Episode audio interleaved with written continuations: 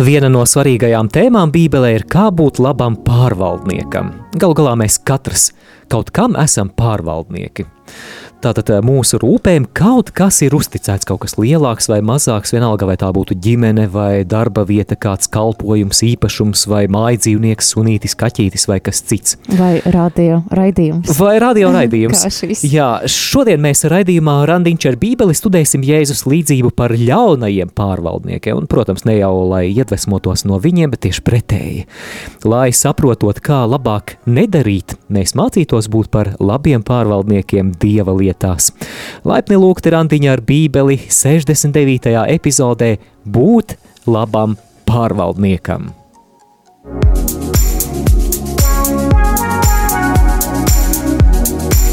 Skan Randiņš ar bībeli.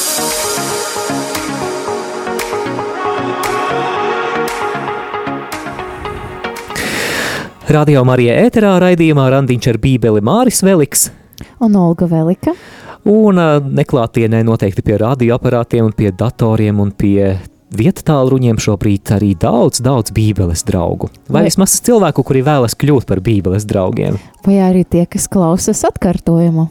Vai skatās YouTube, vai arī Facebook, vai arī kādā podkāstā. Šīs ir tavas neklātienes Bībeles studijas. Un atgādinām arī, ka šo raidījumu varat skatīties video formātā. Meklējiet Facebookā Randiņš ar Bībeli lapu vai arī Radio Marija Latvija kanālu YouTube. Un neaizmirstiet arī ielikt tīkšķīti, kaut ko iekomentēt, padot tālāk, lai Radio Marija savu misiju varētu veikt iespējami plašākā laukā, aizsniedzot tos cilvēkus, kuri ikdienā radio neklausās. Jā, un tieši tā, ja jūs ielaikosiet, piesakosiet lapai vai iekomentēsiet, tad mēs varam izplatīties ne tikai FM viļņos, bet arī internetā lieta, tā kā palīdziet mums to darīt. Bet vislabākais veids, kā sagatavot sirdis Dieva vārda lasīšanai un saprašanai, noteikti ir lūkšana. Tad nu nākam Dieva priekšā, Dieva tēva un dēla un svētā gara vārdā Āmen. O, Dievs, cik tu esi labs! Mēs tevi mīlam! Kungs, mēs tev pateicamies, ka tu neesi Dievs, kurš slēpies no mums, kurš klusē. Mēs tev pateicamies, ka tu esi Dievs, kurš kurš uz mums runā caur savu vārdu, ka tu mums esi devis sava vārda maizi, un mēs šodien vēlamies šo maizi baudīt un laust, caur to kļūstot stiprāki, tuvojoties vēl dziļākām attiecībām ar tevi, Dievs. Tāpēc mēs lūdzam Tēvu sūti Jēzus vārdā savu svēto garu pār ikvienu klausītāju un arī pār mani un Olgu šeit studijā Jēzus Kristus vārdā. Āmen. Āmen. Svētais Matei, lūdz, lūdz par, par mums. mums. Vēlēs labāk iepazīt svētos rakstus, bet nezini, ar ko sākt? Raidījums Randiņš ar Bībeli ir tava Bībeles studiju iespēja. Dinamiska, mūsdienīga un baznīcai uzticīga. Studē Bībeles grāmatas kopā ar savedēju Māri Vēliku. Nu, re, kā mums jau džingli jāmaina. Jā, Tad ne tikai Māris savaidīja ar, jā. ar randiņu, ar bībeli, var jā, teikt. bet mūsu mērķis ir tevi klausītājs savest ar tavu personisko bībeli, bet uh, Nu, ja tev arī, tāda ir, jā. mēs, mēs ceram, ja ne, tad vari noteikti atrast arī internete vai arī lejupielādēt aplikāciju. Ir tāda aplikācija, bet man liekas, jā, svarīgi ļoti, ļoti svarīgi lūgties svētajam garam tieši pirms bībeles lasīšanas, kā nekā svēt, um, raksts svētie raksti ir svēta gara iedvesmoti, un kurš vēl labāk mums var, var palīdzēt saprast svētos rakstos, ka ne svētais gars. Tieši Protams, tā. mēs varam paļauties uz Māri Veliku, ka viņš labi saprost, bet svētais gars Māri vēl labāk saprot. Protams, arī no savas pieredzes es vēlos piemetināt, ka ir vērts pirms bībeles lasīšanas lūgties līdz tam brīdim, kad jūs jūtat kā tādu klikšķi, ka, oh, tagad es esmu gatavs lasīt. Mm reizēm es pats nohaltūrēju, lūkšanā, noslinkoju un formāli to izdaru, bet, bet reizēm ir tā, ka es lūdzos līdz tam brīdim, kad, o, oh, tagad būs. Un tad bībeles lasīšana ir daudz auglīgāka. Lūk, tāds praktisks padoms šī raidījuma sākumā, bet mēs turpināsim studēt Mateja evaņģēliju un šodien pabeigsim 21. nodaļu. 21. nodaļa šķiram vaļā, ja ir iespēja, un Šodien mēs lasīsim līdzību par ļaunajiem pārvaldniekiem no 33. līdz 46. pantam. Bet eh, vispirms mazliet kontekstam atcerēsimies, par ko mēs runājām iepriekšējā Mateja studiju raidījumā. Atcerēsimies, ka mēs runājām par to, ka Jēzum ir kāda skarba, diezgan saspringta saruna ar augstajiem priesteriem un tautas vecajiem, kuri apšauba Jēzus autoritāti. Viņi aicina uzrādīt dokumentus Jēzu, kā varētu to darīt. Jēzus atbild viņiem ar pretjautājumu, vai Jāņa kristība bija no debesīm vai no cilvēkiem, uz ko gan rakstu zinātāji, gan tautas vecāji atsakās atbildēt, tad nu, Jēzus arī saka, tad es arī jums neatbildēšu. Bet tomēr Jēzus turpina ar Jā, viņš turpina ar līdzību par diviem dēliem, un jā, šie divi dēli, kas bija tēvam, tad tēvs viņu sūtīja uz, es nemaldos, vīna dārzu, jā, un tad viens dēls teica jā, bet ne, neaizgāja, un viens teica nē, un aizgāja, jā, un šī līdzība par diviem dēliem ir kā uh, komentārs tā laika jūdu reliģiskajiem reliģiskai elitei, reliģiskai vadībai un par to liekulību, ka patiesība viņa vārdos saka dievam jā, ir reliģiski, ir visus rituāli skaisti izpilde, bet patiesība viņa darbo, savus darbus ir tālu no dieva mīlestības, arī uz dievu un arī uz tuvāku savukārt tie grēcinieki, kas simbolizē to dēlu, kas teica nē, un aizgāja, jā, tad uh, simbolizē to otro dēlu, kas tomēr izdarīja dieva grību, un Jēzus stipri pārmet tāda arī reliģiskai elītei tā laika. Šodienas rakstu vieta, mīļo klausītāji, būs šīs sarunas starp Jēzu un rakstu zinātājiem, augstajiem priesteriem un tautas vecākajiem turpinājums. Šī intensīvā un saspringtā saruna turpinās, un Jēzus runā uz viņiem caur kādu līdzību. Lasām no 33. līdz 39. pantam. Klausaties citu līdzību. Bija nama kungs, kas dēstīja vīna kalnu, uzcēla tam visapkārt sētu, izraka tur iekšā vīna spaidu un uzcēla torni un iedeva to nomā vīna kalna strādniekiem un pats aizceļoja. Kad augļu laiks atnāca, viņš sūtīja savus kalpus pie strādniekiem, lai saņemtu savus augļus, bet strādnieki viņu kalpus satvēruši, vienu tie šauta, otru nonāvēja, bet trešo nomētāja ar akmeņiem. Viņš sūtīja atkal citas kalpus, vairāk nekā pirmo reizi, un tie darīja viņiem to pašu. Beidzot, viņš sūtīja pie tiem savu dēlu sacīdams: No mana dēla tie kaunēsies, bet strādnieki viņu dēlu redzēdami sacīja savā starpā: Šis ir tas mantinieks, nonāvēsim viņu, lai mēs iegūtu viņa mantojumu, un viņus atvēruši izved ārpus vīna kalna un nonāvēja.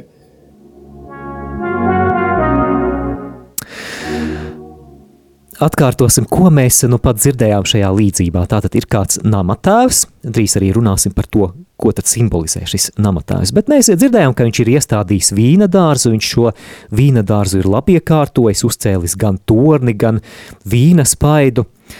Bet tā kā šim namatēvam ir jāceļo projām, mēs nezinām īsti uz kurieni viņš iznomā vīna dārzu strādniekiem. Protams, lai vīna dārzs būtu kārtībā, lai tas neaizaugtu ar nezālēm, Pienāk ražas laiks, un īpašnieks sūta savus kalpus pie strādniekiem pēc ražas, jo tā laika kārtība paredzēja, ka nomniekiem bija jādod vismaz puse no ražas zemes īpašniekam, kā samaksa par šīs zemes lietošanu. Bet eh, tomēr, kā mēs dzirdējām, tai vietā, lai sūtītajiem kalpiem atdotu pienācīgo ražas daļu, vīna dārza pārvaldnieki rīkojas ļoti ļauni. Mēs dzirdējām, ka vienu tie šausta, otru tie nogalina, un trešais tiek nomētāts ar akmeņiem. Lūk, kāda sagaidīšana. Jā, tas pats liktenis arī uh, ir arī nākamajiem sūtņiem. Tad īpašnieks sūta arī nākamos, un tos pašus sagaida arī cietsirdīga pārvaldnieku izturēšanas. Un visbeidzot, uh, namatēvs izdomāja, ka viņš sūtīja savu mīļoto dēlu un domājot, ka nu, dēlu, no dēla viņa kaunēsies un gan jau arī viņam atdos tos um, augļus, bet jā, domājot, uh, jā, bet tad, tie pārvaldnieki, jā, kam bija nodot šīs, šī vieta, tad viņi nogalina arī dēlu un cerību, ka viņi varētu iegūt vīna dārzu savu īpašumu. Parunāsim par to, ko šī līdzība nozīmē, un sākumā mums ir jātiek galā ar to, kurš tēls ko reprezentē šajā līdzībā vai šajā alegorijā. Jā, vairākas lomas, vairāki mm -hmm. personāži, tad jā, mums jāsaprot, kas tas tomēr ir. Un eh, te mēs varam izšķirt sešus galvenos varoņus. Pirmais ir zemes īpašnieks, kas līdzībā reprezentē dievu.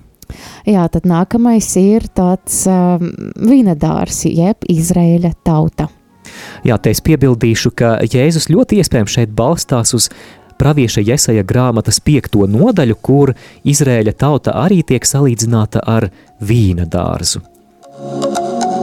Trešais tēls ir pārvaldnieki, šie ļaunie strādnieki, kas reprezentē jūdu vadītājus un eh, jūdu reliģisko eliti tajā laikā. Jā, tad arī ir um, īpašnieka kalpi, sūtņi, ir pravieši. Pravieši, kas ir paklausīgi Dieva vārdam, viņa klausa, ko Dievs saka, un bez, bez bailēm arī nāk un pasaka tai vadošai reliģiskai elītei to, ko Dievs grib teikt.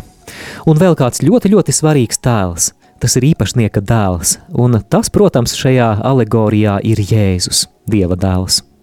Jā, un savukārt arī vēlāk šajā līdzībā parādās arī citi pārvaldnieki, jeb strādnieki, kas līdzībā pārstāv Kristus nodibinātas baznīcas locekļus, tad gan jūdus, gan pagānus. Jā, tad mēs redzam, ka zemes īpašnieks sūta savus kalpus, lai Viņa, lai viņi varētu ievakt pienācīgu ražas daļus, daļu, bet mēs redzam, ka mēs redzam, ka jā, īpaši vecā derība, tad mēs lasām par praviešiem.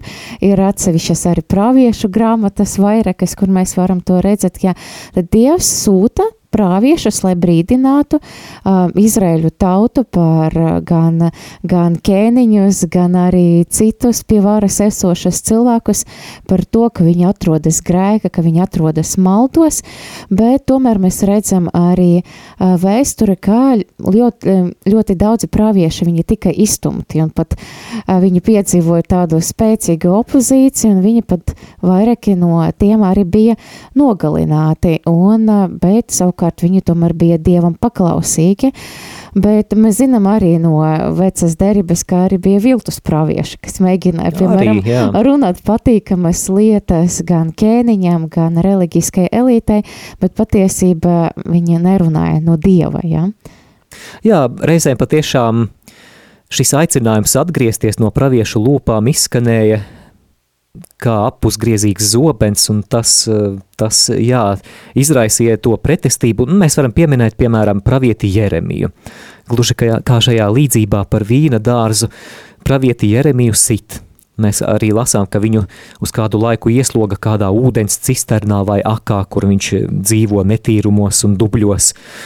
Mēs varam pieminēt arī pravieti Zahariju, kurš tiek nomētāts ar akmeņiem Jeruzalemes templī, uh, vai galu galā jau tuvāk Jēzus laikam, tad ir arī Jānis Jā, Kristītājs, Kristītā. kurš tiek Heroda nogalināts. Jā, un mēs redzam, ka vīna dārzijā tad jau redzot dēlu, viņi uzskatīja, ka ja mēs nogalināsim dēlu, tad mēs kļūsim par īpašniekiem. Kāpēc? Un tāpēc, ka tā laika likumi noteica, ka, ja īpašumam nav mantinieku, tad pienākas, tad tas pienākas tam, kas pārvalda, kas apsaimnieko šo, šo zemes gabalu. Jā, patiešām, un mēs varam iztēloties, kāds bija šī tēva risks sūtot savu dēlu. Jo interesanti, ka evanģēlists Marks, aprakstot eh, šo pašu līdzību, mēs to lasām Marka evanģēlija 12. nodaļā, konkrētāk 6. pants, viņš piebilst tā, un viņam bija vēl viens vienīgs dēls, tātad vienīgais dēls, ko viņš mīlēja. Arī to viņš beidzot pie tiem sūtīja. Tas eh, man atgādina slavenos vārdus no Jāņa evaņģēlija 3. nodaļas 16. pantu, jo tik ļoti Dievs mīlēja pasauli, ka deva savu vienpiedzimušo dēlu, lai neviens, kas viņam tic, nepazustu, bet iegūtu mūžīgo dzīvību. Bet uh, vēsts par dēla nogalināšanu šajā līdzībā ir vēl viens Jēzus pravietojums par viņa nāvi jūdu līderu rokās. Gluži kā viņi bija vajājuši arī vecās derības praviešus daudzu gadsimtu garumā. Un uh, tagad šie jaunie pārvaldnieki domā, ka nu beidzot, beidzot tā cīņa ir galā, beidzot zemes gabals būs viņu personiskais īpašums. Viņi varēs darīt, ko grib. Tomēr tā nebija. Stāstā atkal parādās vīna dārza saimnieks, bet interesanti, ka Jēzus tai vietā, lai uzreiz pateiktu, kā tad šis vīna dārza saimnieks šajā situācijā rīkosies, Jēzus to nepasaka. Viņš uzdot jautājumu viņa klausītājiem, tātad, augstajiem priesteriem un vecajiem. Un, uh, tur mazliet tāda ironija sanāks, par to mēs tulīt parunāsim, bet lūk, lūk kāds ir Jēzus jautājums. Kad no vīna kalna kungs nāks, ko viņš darīs ar šiem strādniekiem? Jā, klausītāji ievēro ironiju tajā, ka šie priesteri un vecie, viņi vēl nav sapratuši savu vietu šajā līdzībā. Tāpēc viņi atbildot patiesībā pasludina to, kas pienākas viņiem pašiem, kā šiem ļaunajiem pārvaldniekiem. Lūk, 41. pants. Tie sacīja viņam, ļauniem ļaudīm ļauna nāve, un vīna kaunu viņš izdos citiem strādniekiem. Tie viņam atdos augus īstā laikā. Jā, mēs redzam, tomēr, ka Jēzus mēģina runāt arī uz tiem cilvēkiem, uz farizēm, saducējiem par to. Man liekas, varbūt viņš mēģina arī runāt uz viņa sirdsapziņu, un, bet savā ziņā arī viņa apliecina to, ka nu, viņam pienākas sots par to, ko viņi dara patiesība, arī par to, ko viņi izdarīs, kad viņi arī nodos Jēzu um, nāvei.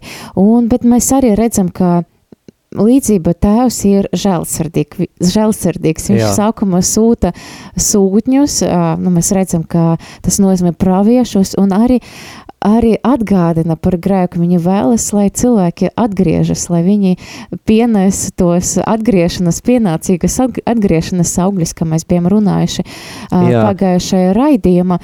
Un tomēr, tomēr tie cilvēki, viņi bija tik ļoti sirds nocietināti, uh, un eh, lepnība viņus atturēja tomēr no atgriešanas. Un Jēzus turpina domu, izmantojot arī kādu tēlu no vecas derības.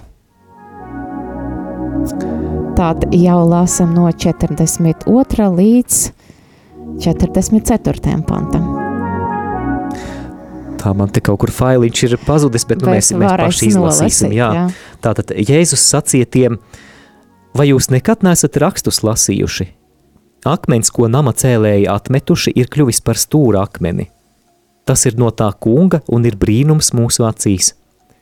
Tāpēc es jums saku, Dieva valstība no jums tiks atņemta un dota tautai, kas nes viņas augļus. Un kas kritīs uz šo akmeni, tas sašķīdīs, bet uz ko tas kritīs, to viņš satrieks. Par to, ko nozīmē šis akmens tēls, mēs parunāsim per, pēc mūzikas pauzes. Mazliet jāatpūtina prātus, jāpārdomā. Daudz informācijas. Jā, ko mēs nu pat esam dzirdējuši. Pavisam drīz būsim atpakaļ ēterā.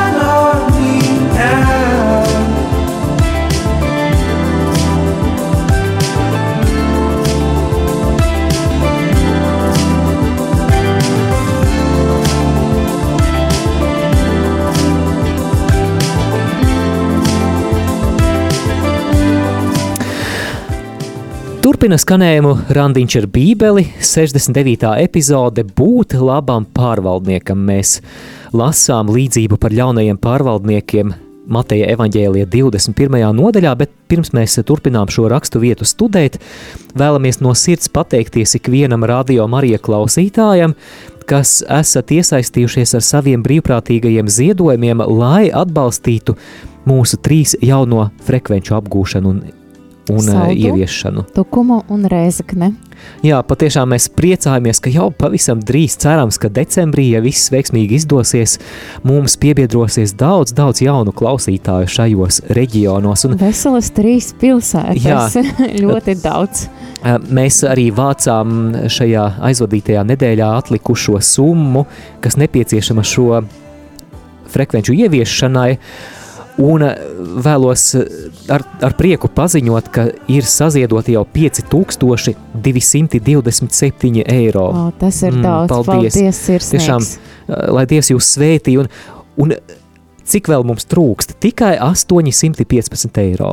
Kas tas viss ir, ja kopā mēs Jā, saņemamies. Fantastiski, paldies jums liels. Es domāju, tie klausītāji, kas uh, savas pilsētas varēs dzirdēt, klausīties rādījumā arī FM frekvences, viņi tiešām jums no sirds pateicīgi par šādu lielisku dāvanu decembrī. Jā. Mīļo klausītāji, ja tev kāds jautājums vai kaut kas komentējams, kaut kas piebilstams, tad iesaisties ēterā, tūlīt arī atgādināsim kontaktinformāciju. Un uh, es arī tev varētu kaut ko pajautāt. Ja, ja jau mēs runājam par šo pārvaldnieku lietu, pārvaldnieku būšanu, tad par ko tu esi iecelts par pārvaldnieku? Kā tu domā, par ko tu esi atbildīgs? Iesaisties ēterā, zvanot uz studijas tālruni 67 969 131 vai rakstot īsiņu uz numuru 266 77 272. Izmanto arī e-pasta iespēju Studija at rml.lv.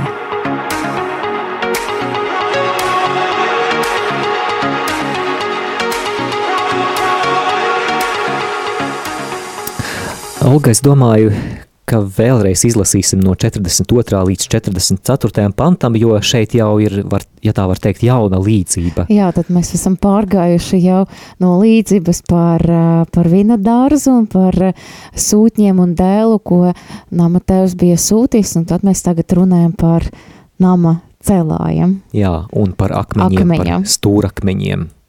Jēzus sacīja viņiem, vai jūs nekad neesat lasījuši rakstus? Akmens, ko nama cēlēji atmetuši, ir kļuvis par stūrakmeni. Tas ir no tā kunga darīts, un brīnums mūsu acīs. Un kas kritīs uz šo akmeni, tas sašķīdīs, bet uz ko tas kritīs, to viņš satrieks.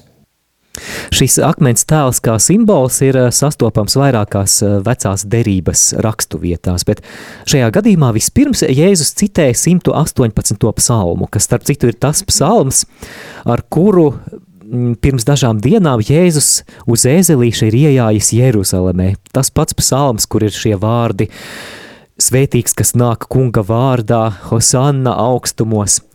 Tagad Jēzus citē to pašu psalmu, bet uh, mm, citu fragmentu psalmā pieminēts ir stūrakmens, kuru nama cēlēji ir atmetuši. Interesants eh, moments, kas varbūt paspilgtina šo domu par apstākļiem, kas tajā laikā bija Jeruzalemes templī. Šī saruna starp Jēzu un augstajiem priesteriem notiek tieši Jeruzalemes tempļa pagalmos. Un interesanti, ka tajā laikā Jeruzalemes templī notika rekonstrukcijas darbi.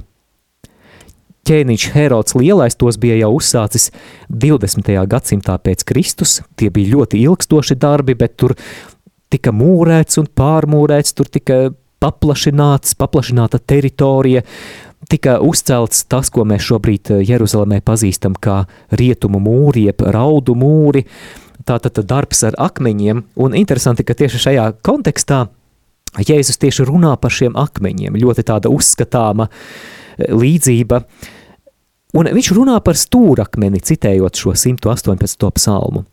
Kas ir stūrakmenis? Stūrakmenis ir vissvarīgākais akmenis kādas ēkas pamatos. Vissvarīgākais akmens konstrukcijā, bez kura šī celtne draud sabrukt. Jā, un runāt par šo stūrakmeni, Jēzus patiesībā runā par sevi, jo viņš ir stūrakmens, jaunais templis, uz kā arī turas baznīca. Un savukārt nama cēlē atkal ir tā laika reliģiskā elīte, kam bija nu, tajā laikā uzticēta tempļa pārbūve, arī tajā reālajā kontekstē, bet kuri ir tāda pārdabiska nozīme, garīgajā nozīme, tomēr atmet, atmeta mesijas atnākšanu, Jēzus atnākšanu un patiesībā atmeta pašu svarīgāko akmeni, uz kā varētu renovēt, atjaunot savu, savu baznīcu. Un jā, tāpēc arī Jēzus vēlreiz nolasīšu no uh, tā, tā, tā, no 43. panta, un viņš arī pasludina spriedumu, tad, ka Dieva valstība no jums tiks atņemta un dota tautai, kas nes viņa, viņas augļus. Un jā, tad augstie priesteri un farizēji pārval, ir tie pārvaldnieki, kuriem, kuru vara tiks atņemta un būs atdoda tiem, kas nesīs augļus. Un, jā, bet jā, un uh, tie jaunie pārvaldnieki būs jauna baznīca. Tad, uh, kas jā. būs? Un man šķiet, ka šeit ir uh, svarīgi arī novērst kādu iespējamo pārpratumu, jo reizēm, kad tiek komentēta jaunā derība, piemēram, arī šī līdzība par vīna dārzu, par šiem akmeņiem, tad nereti izskan tāda tēze, ka ebreju tauta, kas bija nepaklausīga dievam, tagad tiek atstumta un tai vietā nāk pagāni, kas ir tā jaunā dieva tauta, it kā tātad uz šajā jūdu vietā stājas šie pagāni, kuri ir izvēlējušies sekot Jēzum. Tas ir eh, patiesībā netaisnīgs un neprecīzs interpretācijas veids, jo patiesībā šī jaunā dieva tauta, sākotnējā baznīca, lielākoties arī sastāvēja no jūdu tautības, no ebreju tautības ticīgajiem – apustuļi bija ebreji, apustulis Pāvils un, un tā tālāk un tā tālāk. Un, protams, ka šajā jaunajā derībā, protams, ka durvis uz baznīcu, uz jauno dieva tautu ir atvērtas ikvienam, neatkarīgi no tautības, arī pagāniem. Es arī biju dzirdējusi tādu līdzību, kas arī pa, pamatota uz svētajiem rakstiem par to, ka patiesība mēs kā pagāni, mēs esam iepotēti tajā, mm, jā. tajā izredzētajā tauta, tajā, es nezinu, koka, jā, kur Dievs ir, 11. Jā, kur, kur Dievs ir audzējis, un mēs esam kā iepotēti zari, jā, un līdz ar to mēs esam pievienojušies tai, um, tai Dieva dieva tautai. Jā, arī pateicoties tam, ka patiesībā bija tādi jūdi un arī joprojām ir, ka viņi deva, deva pestītāju, deva arī apustuļus un, kā jau teica, ka pirmā baznīca patiesībā bija tad sastāvēja no tiem, kas bija jūdi. Jā, un starp citu arī pēdējās desmitgadēs ir ļoti spēcīga arī jūdu mesijāniskā kustība, kas nozīmē, ka tie ir ebreji, kuri ir atpazinuši, ka tieši Jēzus Kristus ir ilgi gaidītais mesija.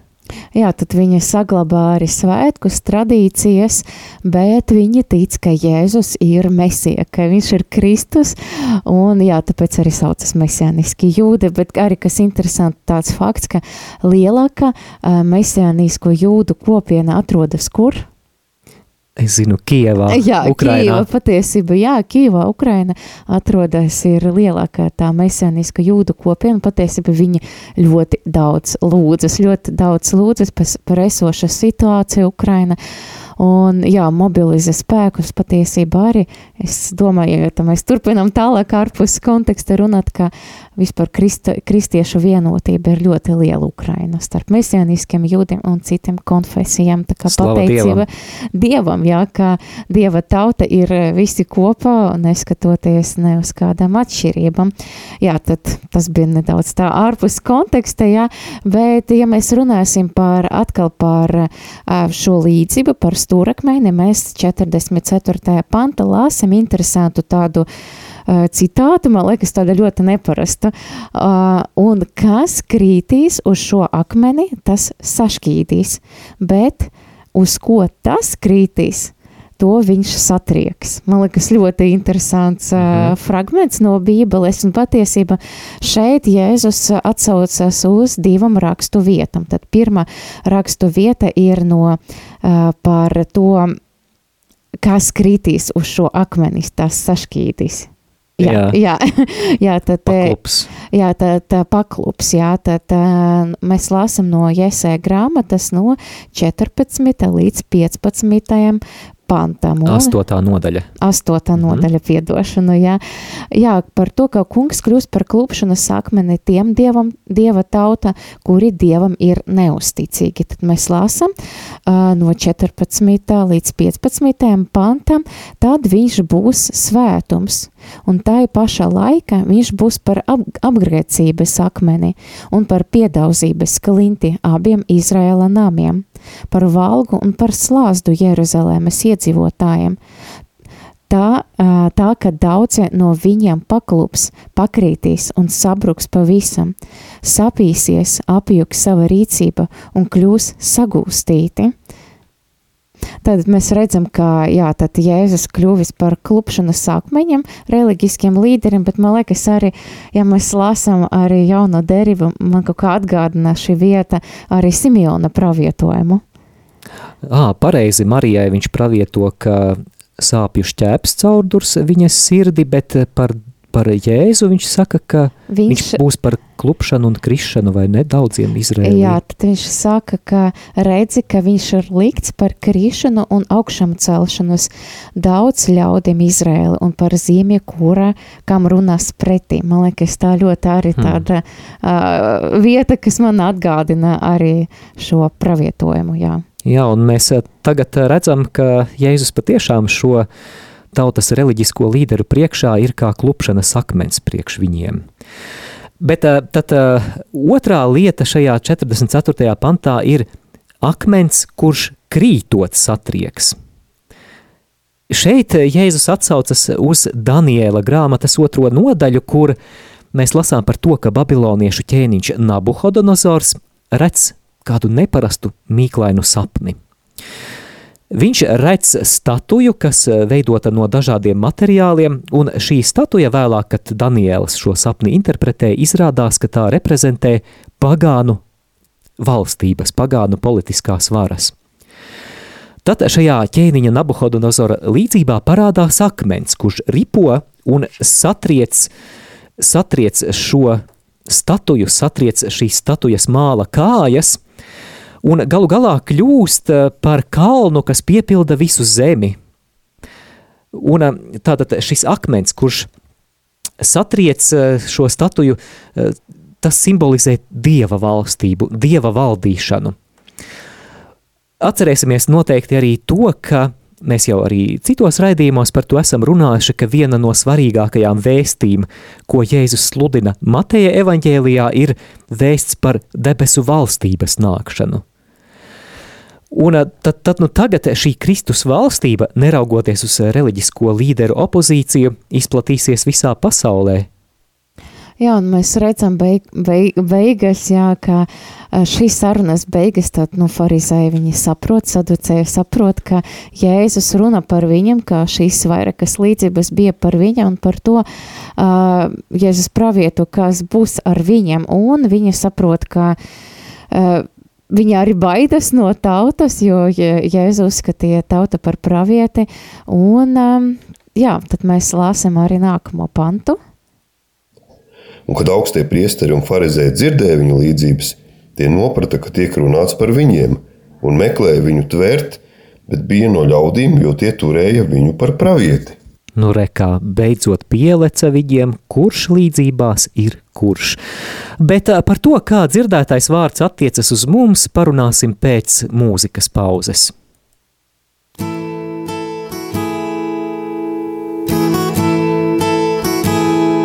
Kam satriekts kārs un salauztā sirds, tu tuvu klāt, nekad neatstāsi caur ielējām.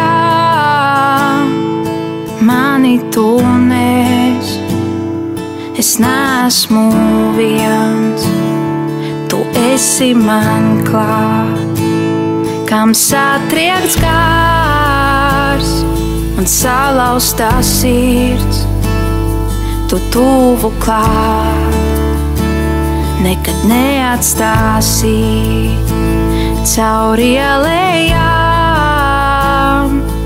mani tu nes, es neesmu viens, tu esi man klāt.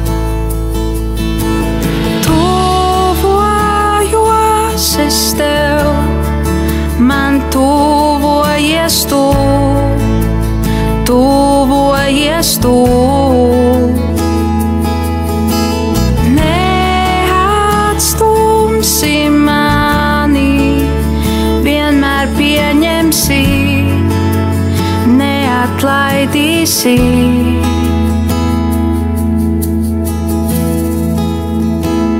Pie manis nācijā, kam noskumīs prāts, es atvieglošu un dziedināšu. Es patvērums, stiprāklīns, mani bērni jūs, es jūsu tēvs.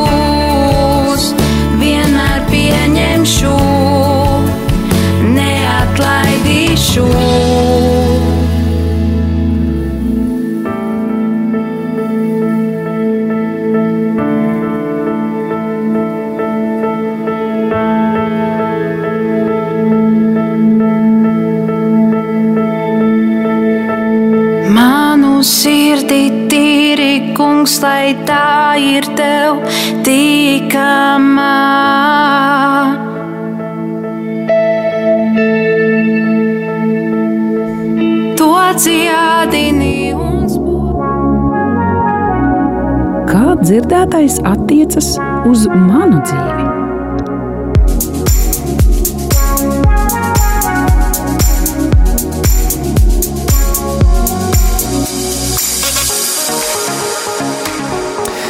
Jā, mīļo klausītāji, parasti šī raidījuma struktūrā mēs vispirms piedāvājam rakstu vietas skaidrojumu, uh, Reizēm tā informācija var pat uh, izklausīties akadēmiska vai, vai tehniska, bet noteikti, manuprāt, tad, kad mēs lasām Bībeli, ir jāskatās, kā šis vārds attiecas uz mūsu dzīvi. Un jebkura Bībeles rakstu vieta var būt aktuāla arī šodien un tagad, un par to arī parunāsim.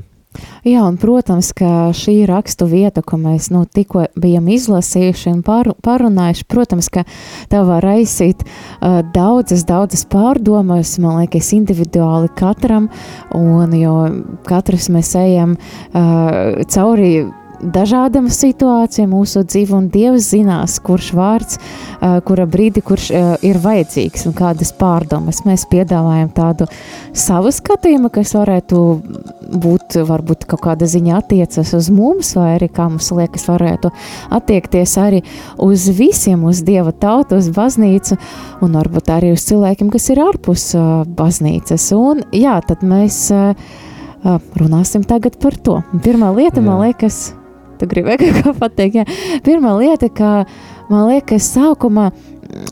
Jēzus tā, tik ļoti, man liekas, sākumā tik ļoti nežēlīgi runā ar farizējiem. Viņš runā, ka jūs gaida sots, ka debesu valstība tiks no jums atņemta un tā tālāk.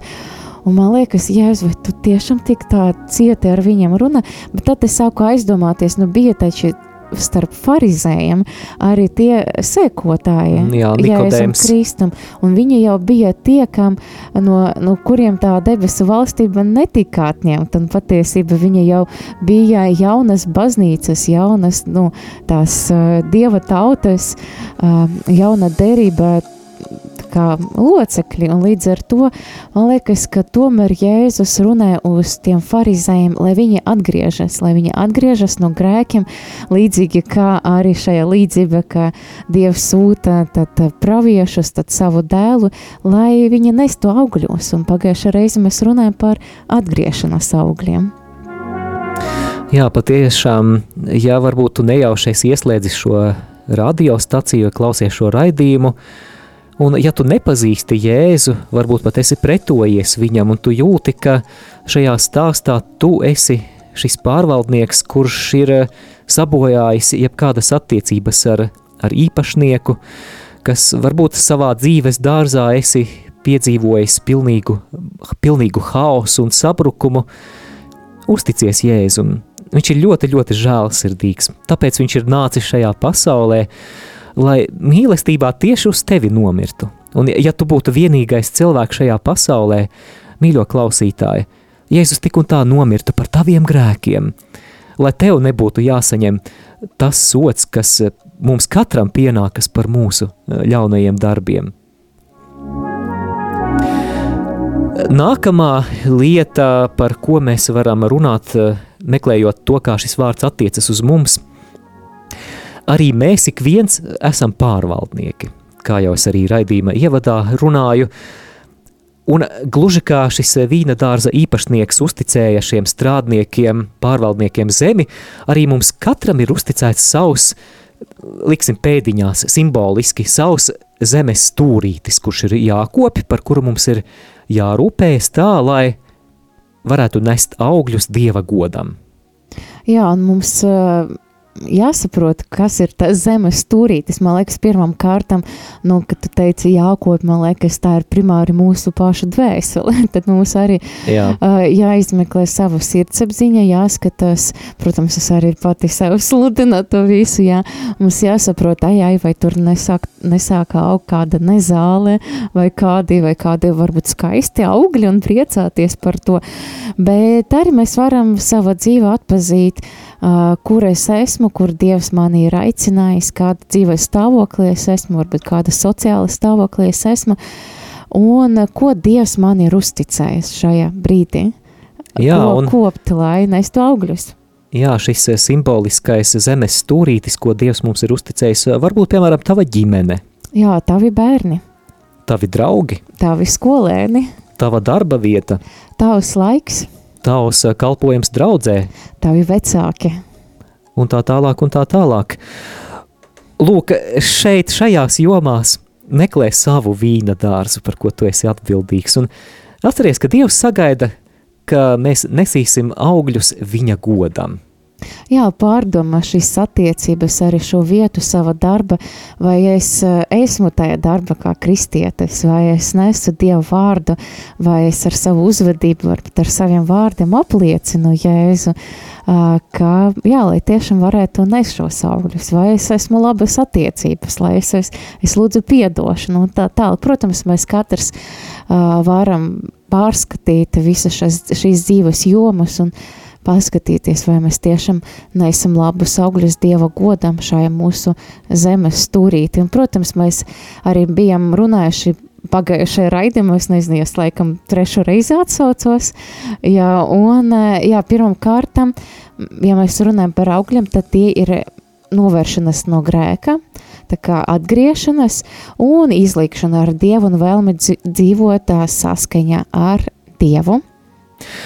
Otr, otrkārt, mēs pagājušais arī runājām, ka augļi var būt mūsu labie darbi.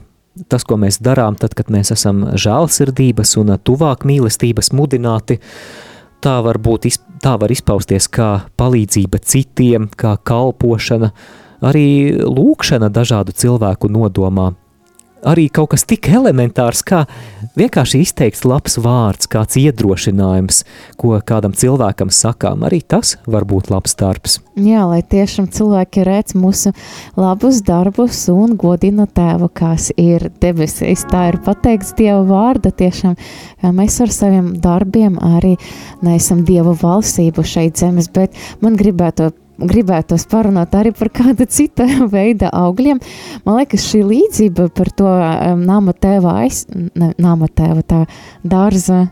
Um, kā tas dārza īpašnieka aizceļošana man ļoti tā atgādina to, ka patiesībā Uh, jā, Jēzus šeit dzīvoja virs zemes. Mēs ticam, ka viņš ir, protams, klātesošs, bet uh, kad uh, viņš bija augšām cēlies, tad viņš aizceļoja. viņš aizceļoja un atstāja tas rūpes par vīna dārzu saviem apstuļiem, mācekļiem un uh, savai baznīcai, un tā izskaita arī mums. Jā, lūk, tā tad tas um, vīna dārza īpašnieks, ja mēs skatāmies uz viņu kā uz Jēzu, jā, tad Jēzus pašlaik ir pie tēva labas rokas, un viņš mums savai baznīcai uzticēja darbu, bet kas ir tas eh, darba auglis ir, protams, dvēseles. Protams, ka uh, baznīca ir par pavairošanas, debesu valstība ir par pavairošanas. Mēs lāsam par sēkli, mēs lāsam par raugu, par to, ka Dievs vēlas, lai uh, jā, lai būtu piepildījums, lai vārds varētu augt un izplatīties tālāk, lai notiktu evangelizācija, lai daudzi, daudzi atgrieztos, un patiesība tā ir viņa prioritāte. Tā, tā augļu nēšana arī šajā ziņā, tā ir evangelizācija, un tā, tas, ka citi varētu iepazīt eh, Jēzu kā par savu glabēju, viņi varētu sadzirdēt arī to šo labu vēsti. Tātad pagaidām rezumējot to, ko mēs pārunājām šajā raidījuma sadaļā, tātad pirmkārt varam mācīties to, ka Jēzus ir bezgalīgi žēlsirdīgs, ka viņš ir gatavs piedot mūsu grēkus, tikai ir jānāk pie viņa. Tad nākamais, mēs esam aicināti nest labus augļus tajā jomā, tajā sfērā, kuru Dievs mums ir uzticējis pārvaldīt. Un eh, šie labie augļi var izpausties kā atgriešanās, kā labie darbi, un arī kā evanģelizācija, kā palīdzība citām dvēselēm nonākt pie pestīšanas avota Jēzus Kristus. Jā, tas, jo, ja tas ir uzdevums, tas ir Jēzus uzdevums mums visiem, un ar saviem labiem darbiem, protams, arī varam un vārdiem apliecināt to, ka Dievs ir labs, un ar viņu ir vērts veidot attiecības. Vēl viens virziens, kurā mēs varam meditēt, pārdomāt šo rakstu vietu. Protams, lūgties arī. Un arī lūgties ir, ir jau tāds globālāks līmenis, sabiedrības līmenis, baznīcas vai valsts līmenis. Mēs jau iepriekšējos raidījumos runājām par nepieciešamību mobilizēties uz lūgšanu par garīgo atmodu ne tikai Latvijā, visā baznīcā kopumā, visā pasaulē, Rietumē Eiropā, kur attiecības ar Dievu arvien vairāk un vairāk iznīkst. Jā, mēs to redzam, ka baznīcas tiek pārdotas, ka klosteri kā, samazinās, vai arī nu, klost, klosteru dzīvu, ne, klosteru dzīvē veltīto cilvēku, jā, tad dievam veltīto cilvēku arī skaits samazinās, kristiešu skaits samazinās, un, bet eh, tas ir tāds paradoks, jo, piemēram, rietuma Eiropas un arī rietuma pasaules vērtības, viņi tika bazētas, pamatotas uz kristīgajām vērtībām. Eiropas Savienība bija veidota eh, tāda tā, tā bija kristiešu ideja, kas bija sanākuši uz, uz rekolekcijām, tie bija politiskie uh, līderi, un viņi, viņam sirdi bija izveidot tādu vienotu Eiropu, bet jā, Dievs arī deva daudz labumu, Dievs deva daudz, daudz tādu vērtību, kas balstās kristietība vai uh, runas brīvība, uh, tad ir katra cilvēka cieņa, bet mēs redzam, ka Dievs mums ir devis šo tādu vīna dārzu pārnestē nozīme, bet kā mēs ar to rīkojamies, ja mēs runājam globāli, vai mēs jau uh, nerīkojamies kā tie slikti uh, vīna dārza, kā pārvaldnieki, kuri grib izmest Dievu no, no tā, ko Dievs ir devis patiesība. Man liekas, patiesība mēs varētu uh, teikt, ka liela mēra, ka jā. Jā, manuprāt, rietumu pasaule, rietumu Eiropa ir uzskatāms piemērs tam, kā tajās lietās, kas mums ir Dieva dāvātas kā svētība, mēs vēlamies dzīvot izstumjot Dievu ārā. Mēs paši vēlamies to visu privatizēt. Vai, būtu, vai tā būtu runas brīvība vai, vai cilvēku tiesības, kuras mēs paceļam tik absurdā līmenī, ka uh, ka to sākam izmantot kā attaisnojumu lietām, kuras ir atklāti pretēji Dieva vārdam. Tātad, jā, mēs varam Es domāju, ka mūsu atbilde šobrīd mēs, mēs it kā daudz neko nevaram izdarīt. Mūsu atbilde var būt lūkšana par garīgu atmodu.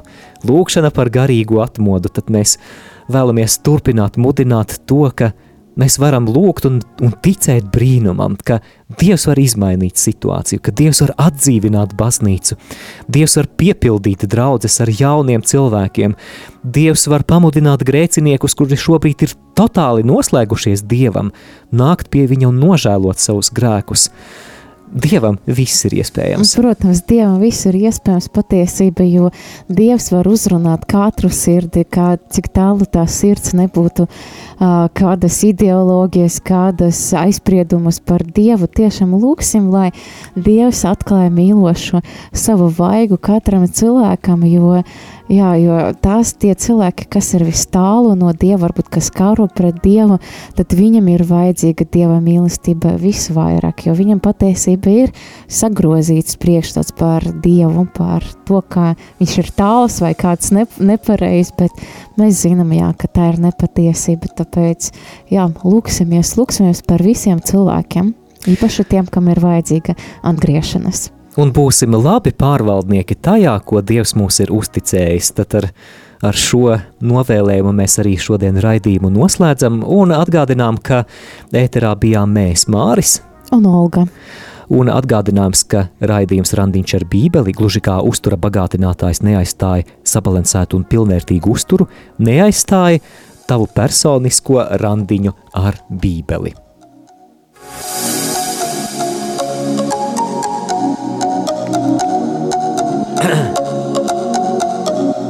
Jūs klausījāties raidījumu Randiņš ar Bībeli. Savas atsauksmes, ieteikumus un jautājumus sūtiet uz e-pastu Randiņš ar Bībeli at gmail.com. Iepriekšējās raidījuma epizodes aicinām meklēt arhīvā.